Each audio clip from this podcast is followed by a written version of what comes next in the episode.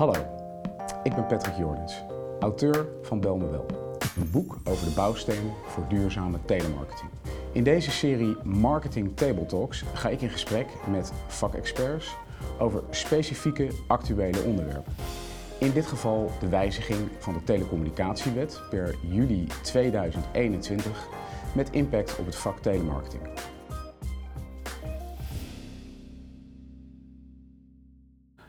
Vandaag spreek ik met Bob Oudijk. Bob is 41 jaar en verantwoordelijk voor alle direct sales activiteiten van de Nederlandse Loterij, waaronder outbound telemarketing.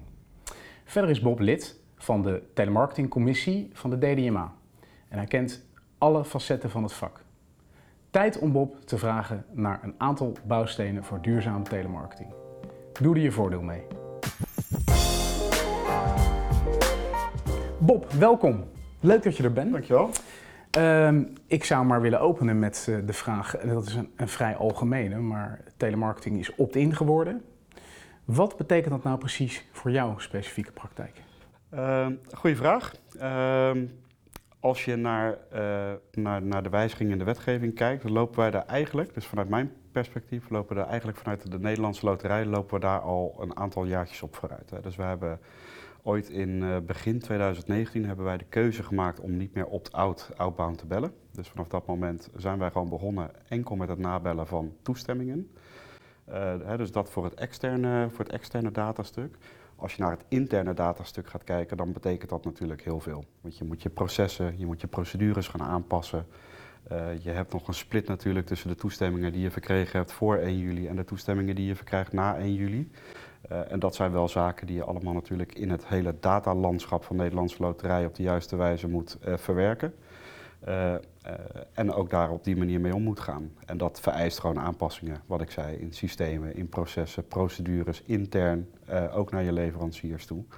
Dus dat heeft aardig wat, aardig wat werk opgeleverd. en hartstikke fijn dat dat in ieder geval wel allemaal tijdig gelukt is. Ja, dus daar ben je een behoorlijke periode mee bezig geweest, denk ik ook. Ja, wij zijn uh, denk ik in uh, september vorig jaar zijn we daar al mee begonnen. Toen kwam dat natuurlijk langzamerhand ook uh, aan het licht dat het definitief zou worden dit jaar rond 1 juli. hebben wij in september een impactanalyse gedaan op alle systemen, op alle processen binnen Nederlandse Loterij en bij onze callcenters en de link daartussen. Om te identificeren ja, welke systemen en processen gaat dat allemaal raken en wat moet er dan aangepast worden conform de oplossing die wij dan met z'n allen intern bedacht hebben. Ja. Dus dan ben je er al met al uh, negen maanden aan het einde van de rit wel mee bezig. Ja, dat toont, dat toont ook aan dat je gewoon in de gaten moet houden wat voor wettelijke wijzigingen er aankomen. Dat je ruim van tevoren natuurlijk eigenlijk al bezig moet gaan met je processen en je systemen en met je mensen qua instructie. Absoluut, absoluut. En, en wat het soms ook nog lastig maakte is dat het natuurlijk ook niet altijd nog duidelijk was wat er onder uh, bepaalde vereisten werd verstaan. Hè. Dat, ja. uh, er was er nog eentje onder specifiek die nog niet heel erg duidelijk was destijds, uh, waarin die duidelijkheid later wel geschept is. Maar daar moet je wel weer rekening mee houden en dus ook weer flexibel zijn in het bedenken van je oplossing.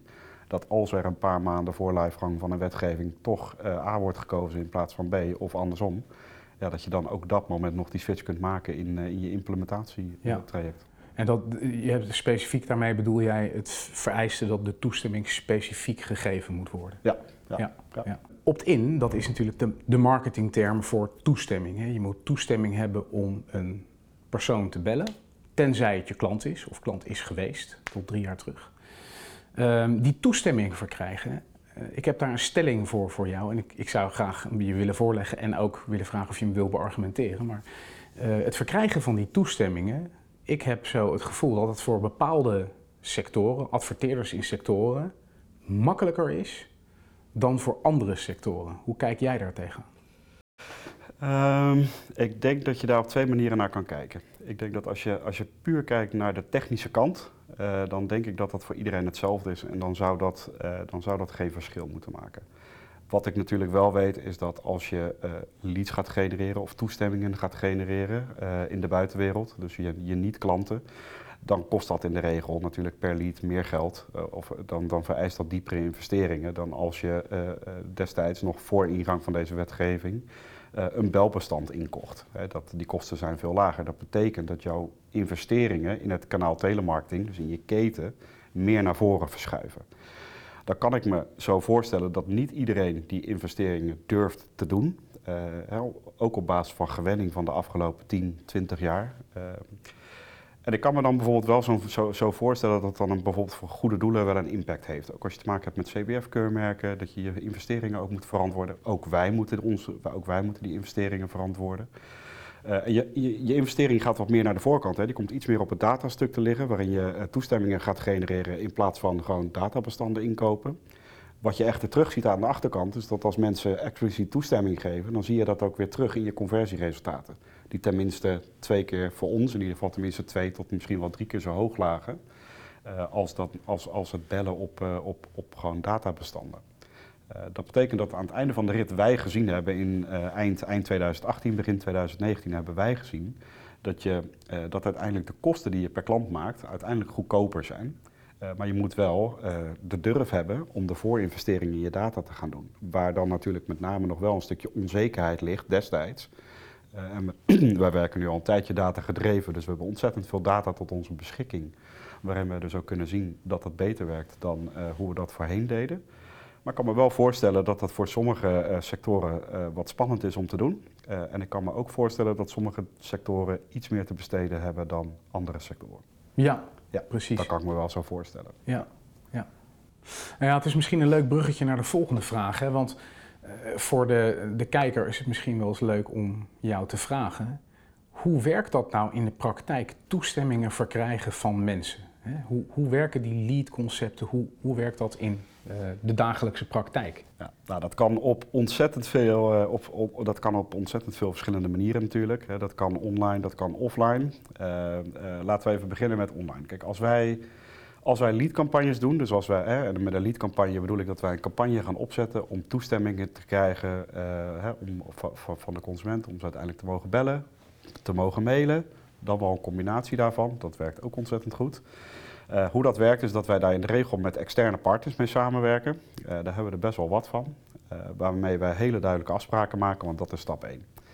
wij als Nederlandse loterij hechten heel veel waarde aan een betrouwbaar karakter. Uh, dat betekent ook dat wij dat één op één beleggen natuurlijk bij alle externe leveranciers waarmee wij samenwerken.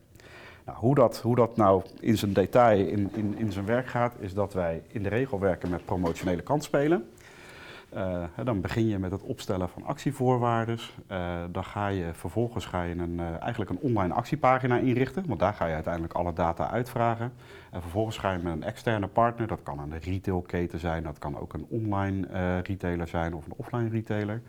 Uh, waarmee je dan gaat afspreken dat zij bepaalde traffic gaan inzetten uh, om traffic te genereren, dus trafficmiddelen gaan inzetten om traffic te genereren naar zo'n actiepagina. En voor de niet-marketeer, traffic is het aantal bezoekers wat zij op hun pagina's al langs krijgen? Ja, dat kunnen bezoekers zijn op hun pagina die ze gaan, uh, die ze gaan sturen naar zo'n actiepagina middels een, uh, middels een banner op de site of, of, of, display. Dat kan zijn dat zij hun klantenbestanden gaan inzetten en dat zij die gaan mailen met, met, met het aanbod van nou, als je nu gaat nu naar deze pagina toe uh, maak kans op uh, super toffe, leuke prijzen. Uh, dan, dat is een optie. Dat kan POS-materiaal en winkel zijn. Dat, kan, dat kunnen inserts en DM zijn. Dus er zijn ontzettend veel middelen die je kunt inzetten om dus verkeer te genereren naar zo'n actiepagina. Ja.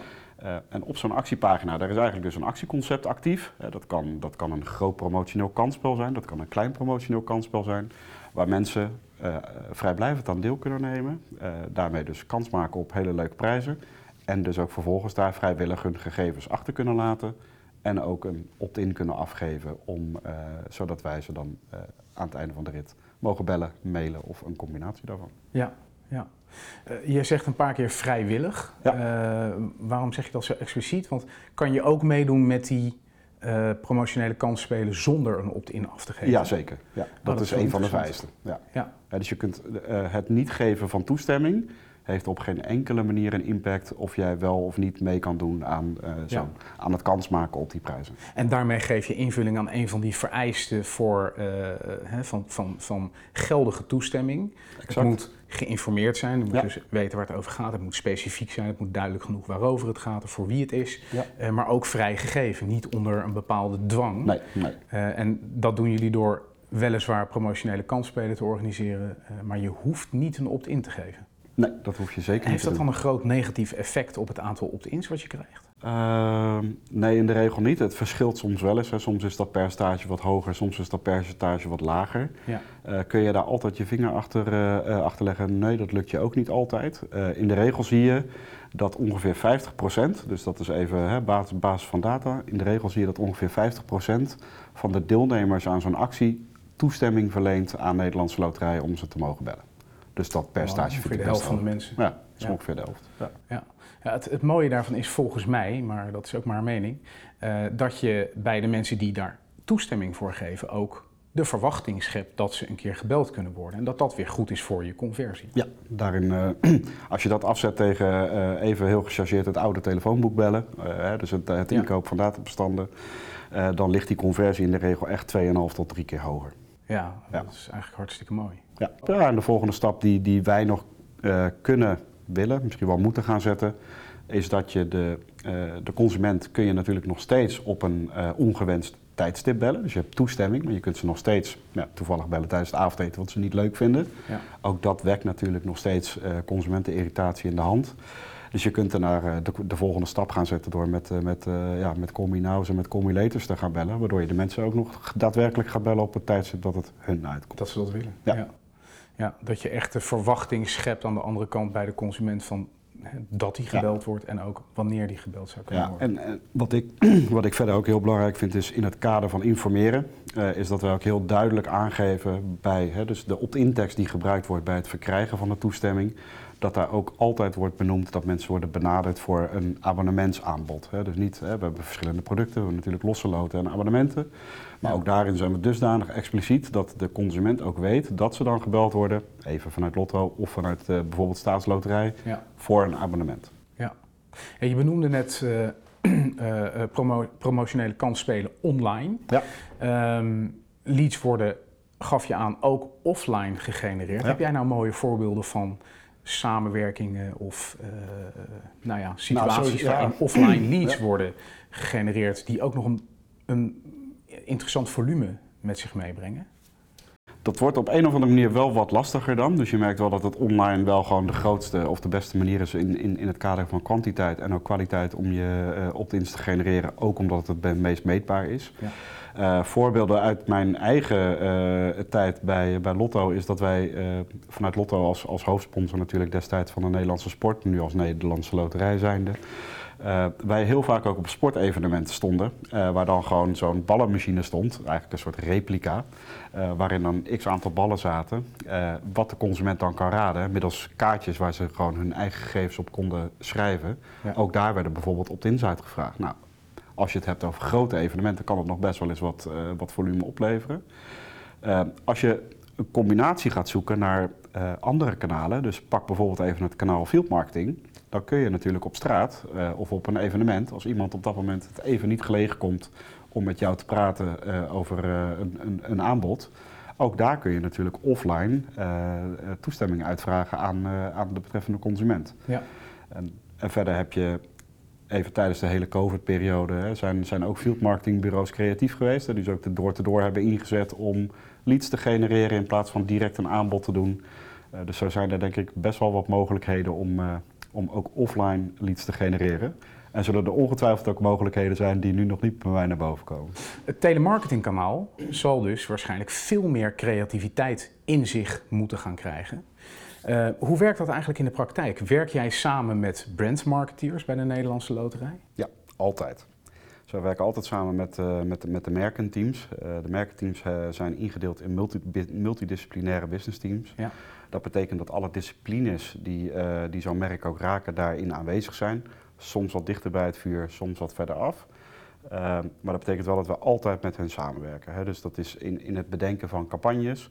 Eh, hè, staatsloterij, maar ook Lotto, even als voorbeeld, maken ontzettend mooie marketingcampagnes. En wat je gewoon ook wil, is dat dat verhaal en dat gesprek en dat gevoel ook via de telefoon, via telemarketing, met een consument gedeeld wordt. Dus alleen al daarom, om dat continu dat ronde beeld, dat ronde marketingbeeld te vertellen op alle plekken, via alle kanalen aan de consument.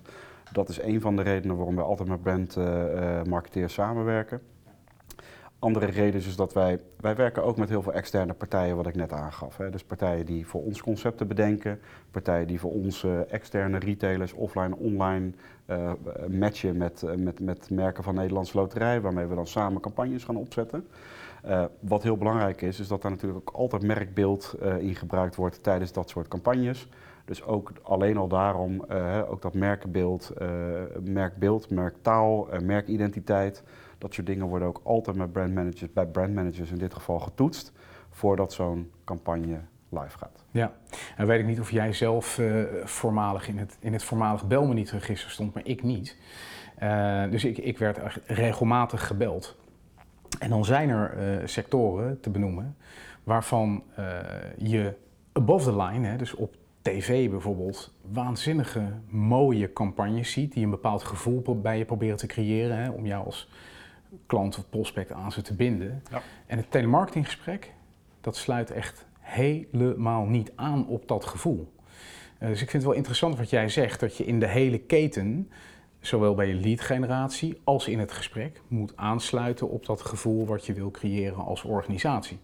Ja, ja, dat, en, ja en dat, is ook een, dat is ook een altijd ontwikkelend iets. Kijk, als je, ook als je naar, even weer teruggrijpt naar het stukje leads genereren, ja. Ehm, daarin moet je zorgvuldig zijn in welke informatie je uh, uitvraagt, uh, vastlegt, verwerkt. Uh, nou, je kunt je zo voorstellen dat in het kader van een loterij wij altijd best geïnteresseerd zijn in wat jij bijvoorbeeld met, uh, met een miljoen zou doen als je dat zou winnen. Uh, maar ook dat weer te verwerken, standaard via dynamische scripting. Dus al die informatie die je, die je verzamelt bij je opt-in, dat gecombineerd met. het kan soms namelijk zo zijn dat iemand toestemming geeft vanuit een leadcampagne, die ook al klant is voor jou dan is het best handig om even te vertellen van hey, wat ontzettend leuk dat hij al een keertje met ons uh, heeft meegespeeld. Omdat dat de band in het gesprek uh, weer verder versterkt. Ja. Uh, dat gecombineerd met het juiste merkbeeld in zo'n campagne zorgt voor continu meer herkenningspunten. Waardoor je ook een beter en veel gestructureerder en ook een leuker gesprek hebt. want wetgeving beperkt het hebben van een leuk gesprek soms natuurlijk ook wel eens. Ehm, maar dat zorgt er wel voor dat je een goed herkenbaar gesprek hebt, uh, dat je dat altijd nastreeft. En je zult dat ook aan het einde van de rit gewoon terugzien in je conversies, maar ook in hoe lang iemand uh, klant blijft bij jou. Ja. ja. is dat nou zo dat, dat wetgeving uh, een leuk gesprek beperkt?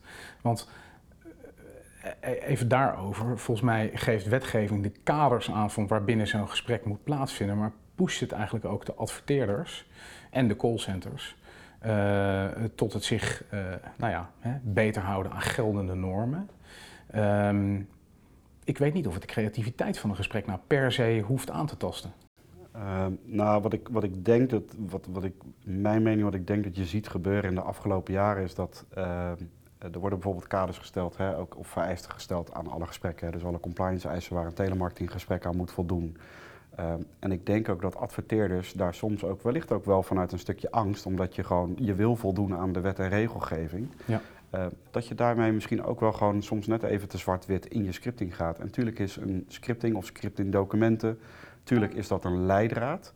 Um, maar je zult in die leidraad niet uh, opnemen uh, standaard in je verhaal van, uh, nou beste meneer Jansen, hoe gaat het met u vandaag? Want dat, zit niet, dat komt niet voort vanuit de richtlijnen. Er moet een bepaalde vrijheid in zitten. Tuurlijk, hè? Tuurlijk moet daar een bepaalde vrijheid in zitten. Mijn mening is wel altijd dat de callcenter agent, hè, de, de, die, die vanuit, dat, vanuit die optiek eigenlijk de, op de beste manier een band weet te creëren in een gesprek.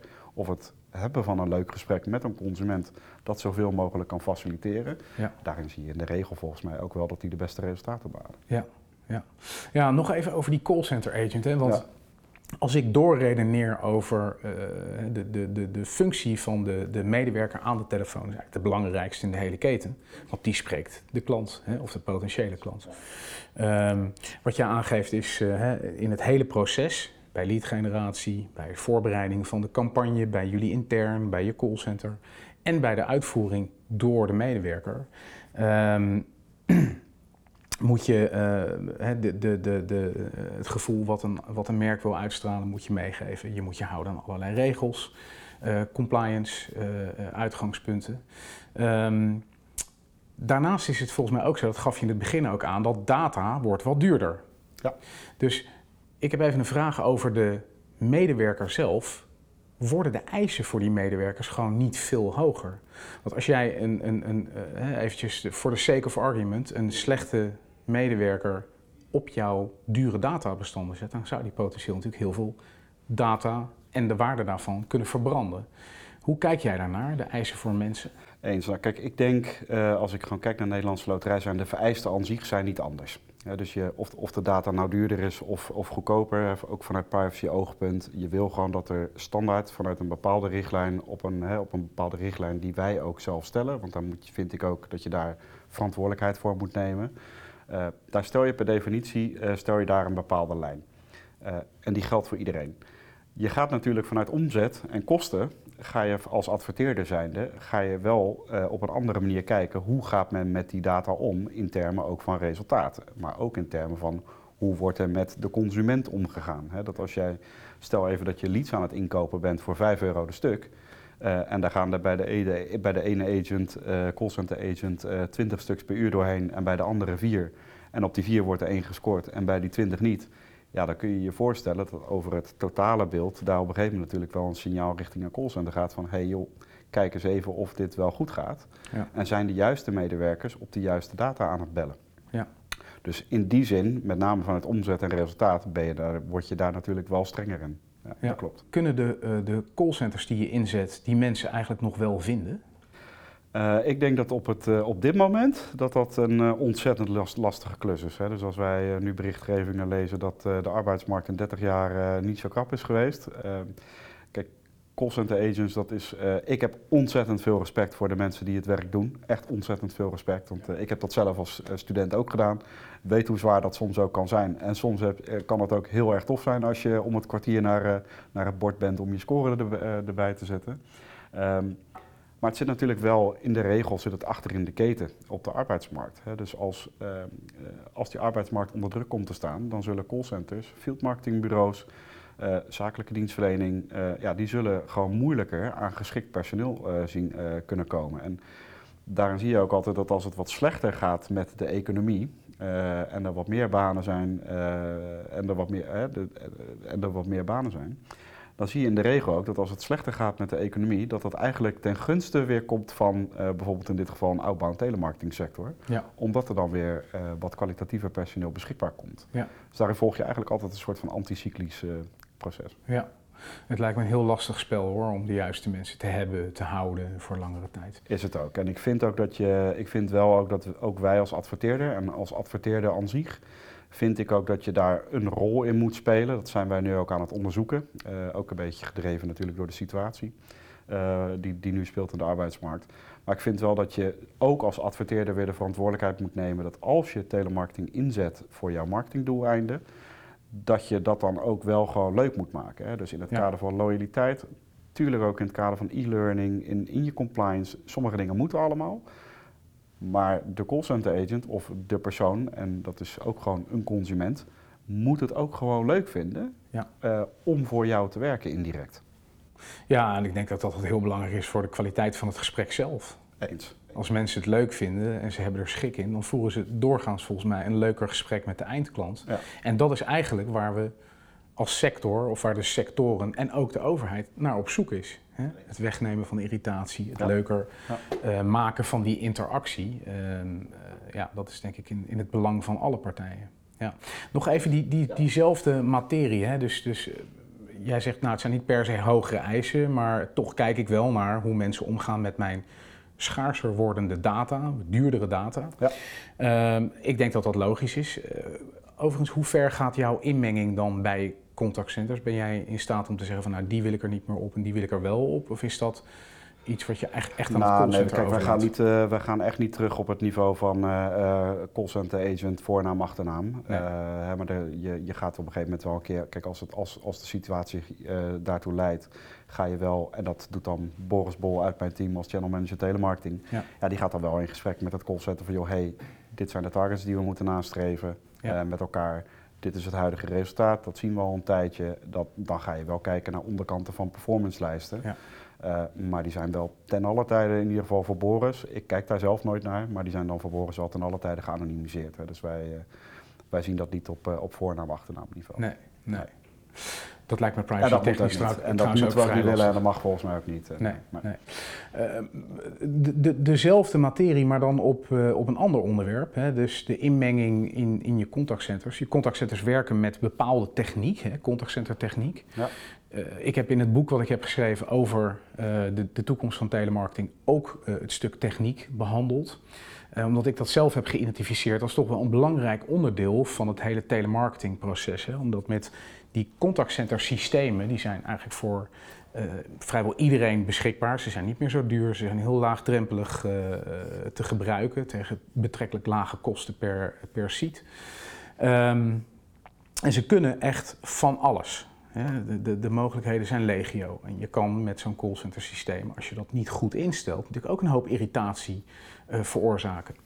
Ehm, hoe, hoe kijken jullie tegen het gebruik van techniek aan? Is dat iets waar jullie je ook mee bemoeien? Willen jullie daar ook leading in zijn naar je externe partijen? En worden de eisen voor het gebruik of de inzet van techniek ook niet verhoogd door deze nieuwe wetgeving? Die worden zeker verhoogd. En dat is, eh, dat is voor mij ook echt tweeledig. Dus het is intern bij ons, binnen, binnen Nederlandse Loterij. Eh, we hebben ergens in begin 2019 is het lead management proces eigenlijk van het moment dat wij de leads ontvangen van een leadleverancier, dus de toestemmingen ontvangen, eh, tot aan dat een callcenter uiteindelijk de lead gebeld heeft met de, het retour leveren van een resultaatcode.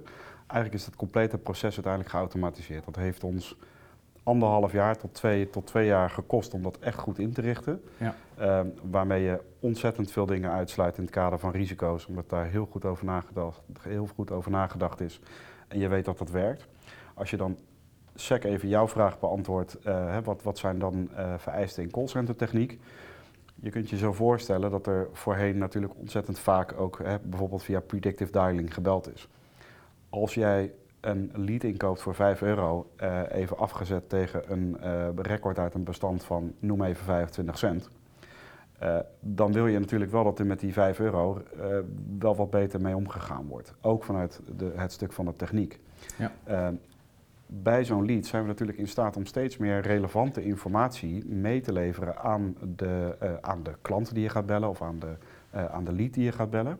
Ehm, waarbij je wel ook wil dat een callcenter agent wat beter begrijpt en wat beter snapt wie ga ik bellen. Eh, dus in plaats van predictive zul je de verschuiving in mijn optiek meer en meer moeten gaan zien naar preview, naar preview bellen. Ja. Dat, de, dat, de, dat de agent heel even van oké, dit is iemand die toestemming heeft gegeven uit eh, leadcampagne A. Die is eh, eh, bij, eh, bij merk B geïdentificeerd als een oud klant.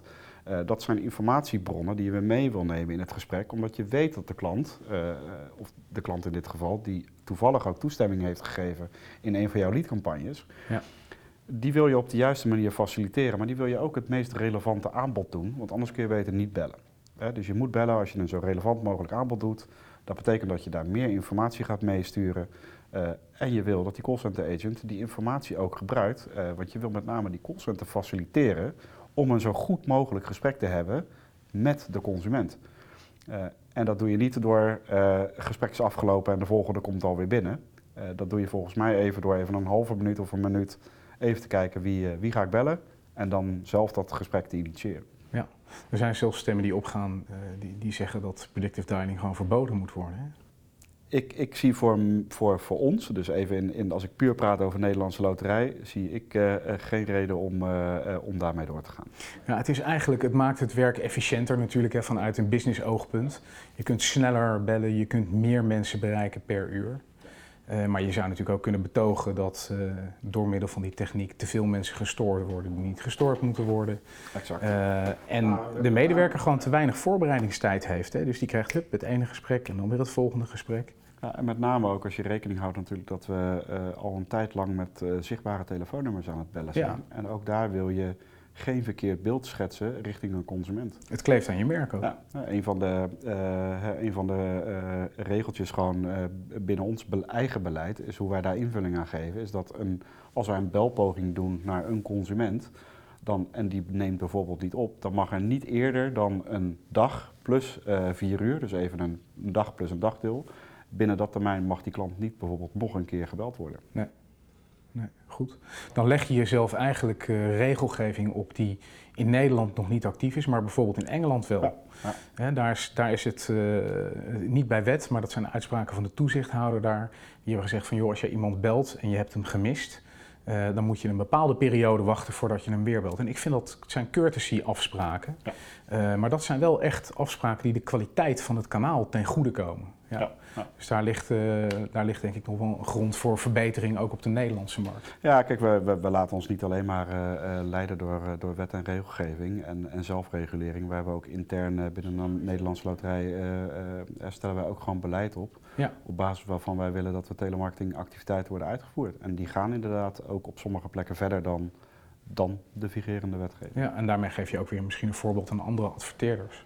Nou, dat is wel iets wat ik op persoonlijke noot wil nastreven. Dat wij daar uh, wel, wel een voorloper in zijn en dat we daar ook richting bepalend in zijn. Ja, ja. Hey, de opt-in, hè? Gaat dat nou de consument helpen? Gaat hij nou minder ongewenst gebeld worden? dit, dat, dat lost uh, gedeeltelijk het probleem op. Uh, dus ja, je wordt niet meer rond etenstijd gebeld voor iets waar, wat totaal niet relevant is voor jou, want je hebt immers zelf toestemming gegeven dat partij A jou voor een aanbod X mag benaderen. Dus in die zin zal het de, de, de consumentenirritatie zal dat, zal dat beperken. Um, echter denk ik dat het nog duidelijker stellen wellicht van vereisten, daar, daar, daar, daar, toezicht op houden en ook overgaan tot sanctioneren. Ja, dat dat uiteindelijk wel leidt tot het oplossen van, van de echte problematiek. En wat ik altijd heel erg lastig heb gevonden met het, het Belmenietregister en het recht van verzet, als je simpelweg even op de verjaardag staat uh, en, en gewoon eens even aan een vriend vraagt van, kunnen we dat nou eens uitleggen? Nou, geen idee. en ik denk dat ook nog steeds de, de klantrelatie-uitzondering ik denk dat we als sector, maar ook wellicht samen met, met overheid, daar echt nog wel een rol in hebben. Om goed uit te leggen van hey, wanneer mag je nou gebeld worden. Want als je de artikelen in de kranten of in de media leest, je mag alleen nog maar gebeld worden met toestemming, is de headliner. Ja. maar daarmee zeg je niet, ja, dat staat altijd onder in een artikel. En, en, ik merk dat dit een beetje gevoelig ligt bij mij. Maar daarin leg je niet goed uit dat de klant dus ook gebeld kan worden als zijnde een oud klant en welke vereisten, hè, tot wanneer kan dat dan, of als actieve klant. En ik denk dat daar nog wel echt nog wel winst te behalen is om dat gewoon nog beter uit te leggen samen. Ja. ja. Ja, ik denk, ik denk dat je daar gelijk in hebt. Dus je, je ziet in de media eigenlijk artikelen waarin staat vanaf nu houdt het ongewenst bellen op. Um, en wij weten allebei dat is niet zo. Nee. Er kan nog steeds in ieder geval ongevraagd gebeld wordt. Of het ongewenst is, dat is dan een combinatie tussen het belletje en degene die hem ontvangt. Uh, maar ongevraagd bellen is gewoon nog steeds toegestaan, ook zonder toestemming, bijvoorbeeld in die klantrelatie. Ja. Ja, dus eigenlijk zeg jij van, deels, het lost deels een probleem op, maar er moet een combinatie zijn met sterk toezicht, een sterke handhaving ja, eens, hè, vanuit de ACM. Eens, helemaal eens. Ja, ja. ja helder. Ja. ja, en opvolging dat als we, als we, als we de consequenties uh, niet voelen, uh, of als partijen die zich bewust, onbewust zich niet houden aan, uh, aan de wet en regelgeving om deze sector gewoon nog een heel lang leven toe te bedelen, ja. ja, dan, dan zul je over moeten gaan tot sanctioneren. Er zullen wat voorbeelden gesteld moeten worden, zeg je? Dat is wel mijn mening. Ja. ja. ja. Hey, en wat er natuurlijk nog een beetje zweeft boven de markt, dat is het principe dat economische zaken, de overheid, de staatssecretaris, dat is straks natuurlijk niet meer Mona Keizer, hè, maar die kan nog een beperking op die klantrelatie zetten. Hè. Dus die heeft een, nog een klein drukmiddel op de markt. Nu is het toegestaan dat je tot drie jaar terug een ex-klant kan bellen. Uh, die termijn kan worden verkort, zelfs in de klantrelatie. Ja. Uh, jij bent adverteerder, ik neem aan dat je ook data gebruikt van ex-klanten. Hoe kijk jij daar tegenaan? Vind je dat een reëel risico? Zou dat vervelend zijn? Zou dat, uh... Nou, dat is richting de toekomst zeker een reëel risico. Mm -hmm. kijk, je kunt je voorstellen dat we een aantal miljoen klanten hebben binnen de Nederlandse loterij. die je lang niet natuurlijk allemaal belt. Um, Kijk, vooralsnog, dus even conform de huidige zelfregulering en de huidige wetgeving, heeft het eigenlijk stiekem voor Nederlandse Loterij zelfs een verruiming opgeleverd, omdat wij uh, al een hele lange tijd hebben gewerkt in het, in, in, in het tijdperk Belmenietregister. Met oud-klanten benaderen wij niet eh, eh, als ze meer dan twee jaar geleden voor het laatst hebben deelgenomen aan een van onze producten. Ja. Eh, nou, we hebben natuurlijk de balanstoetsen ook gemaakt op alle merken, eh, waar naar voren kwam dat wij dat termijn op drie jaar konden zetten. Dus eigenlijk voor nu betekent het voor ons een verruiming van de klantrelatie en is het voor ons heel erg belangrijk om te kijken, zien wij een toename aan klachten, incidenten, uh, et cetera, et cetera. Nou, dat zien we niet, dus dat is, dat is heel fijn om te zien. En daar zijn we natuurlijk al, al een tijdje mee bezig met, die, hè, om, met, met het bellen van ook een bepaalde club klanten die we een hele lange tijd gewoon met rust hebben gelaten. Ja. Ehm, kijk, gaat dat, gaat dat termijn, als dat termijn verkort wordt, heeft dat impact? Ja, dat heeft impact. als het ingaan van de klantrelatie ook nog wijzigt, dus nu is dat op, rekenen we vanaf het moment dat iemand niet meer, niet meer deelneemt. Maar stel nou dat dat gezet wordt op, ik, op het moment dat je klant wordt. Wat, wat ik dan persoonlijk een vrij lastig verhaal begin te vinden, is dat als iemand gewoon een actieve klant is die toestemming heeft gegeven bij klantregistratie, dat je die dan tijdens zijn actieve klant uh, zijn uh, weer opnieuw toestemming moet gaan vragen. Dan denk ik van ja, dan zijn we volgens mij, gaan we niet een logische kant op. Uh, maar goed, het moet ook blijken dat als, uh, als bijvoorbeeld het bellen van een populatie van tussen de twee en de drie jaar na laatst betaalde deelname gewoon leidt tot extreem veel klachten ja, dan heeft dat dan impact op het volume wat je doet binnen het kanaal telemarketing? Ja. Uh, als je daarmee stopt, zou dat dan moeten bijdragen, even hypothetisch, aan het verder verminderen van consumentenirritatie? Is het antwoord ook ja. Ja, ja. helder. Hey, een laatste vraag. Ja. Heb jij een tip of een aantal tips of een wens voor uh, de gebruikers van het telemarketingkanaal? Dan heb ik het even over business to consumer, business to business, opdrachtgever, opdrachtnemer, het maakt niet uit. Wat, uh, wat zou jij de markt nog willen meegeven? Nou, wat ik de markt zou willen meegeven is, uh, uh, ja, dat, dat is eigenlijk even heel simpel. dat is houd je gewoon simpelweg aan de wetgeving. kijk ook in je eigen organisatie of je dat wellicht nog verder zou moeten aanscherpen op basis van type producten of diensten die je aanbiedt.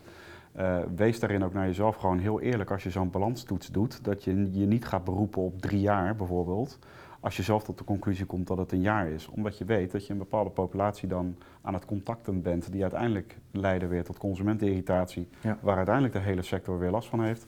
En in het kader van het genereren van toestemmingen, uh, ja, zorg dat het vrij is. Wees uh, gewoon heel specifiek. Uh, en, en, en de belangrijkste les die ik altijd geleerd heb in het leven is, ja, de brandstof die je een callcenter instopt, het resultaat wat eruit komt, is op basis daarvan gebaseerd. Ja. Uh, dus als je, uh, heel simpel, als je de rommel instopt, komt de rommel uit. En als je er gewoon hele waardevolle data instopt, zul je ook hele waardevolle resultaten bereiken. Ja, nou dat lijkt me een wijze tip. Ja. Dankjewel. Ik, uh, ik weet zeker dat de kijker en luisteraar, want dit is natuurlijk ook een podcast, hier veel uit gaat halen. En dankjewel dat je dit met ons hebt willen delen. Heel graag gedaan. Dankjewel. Dank je.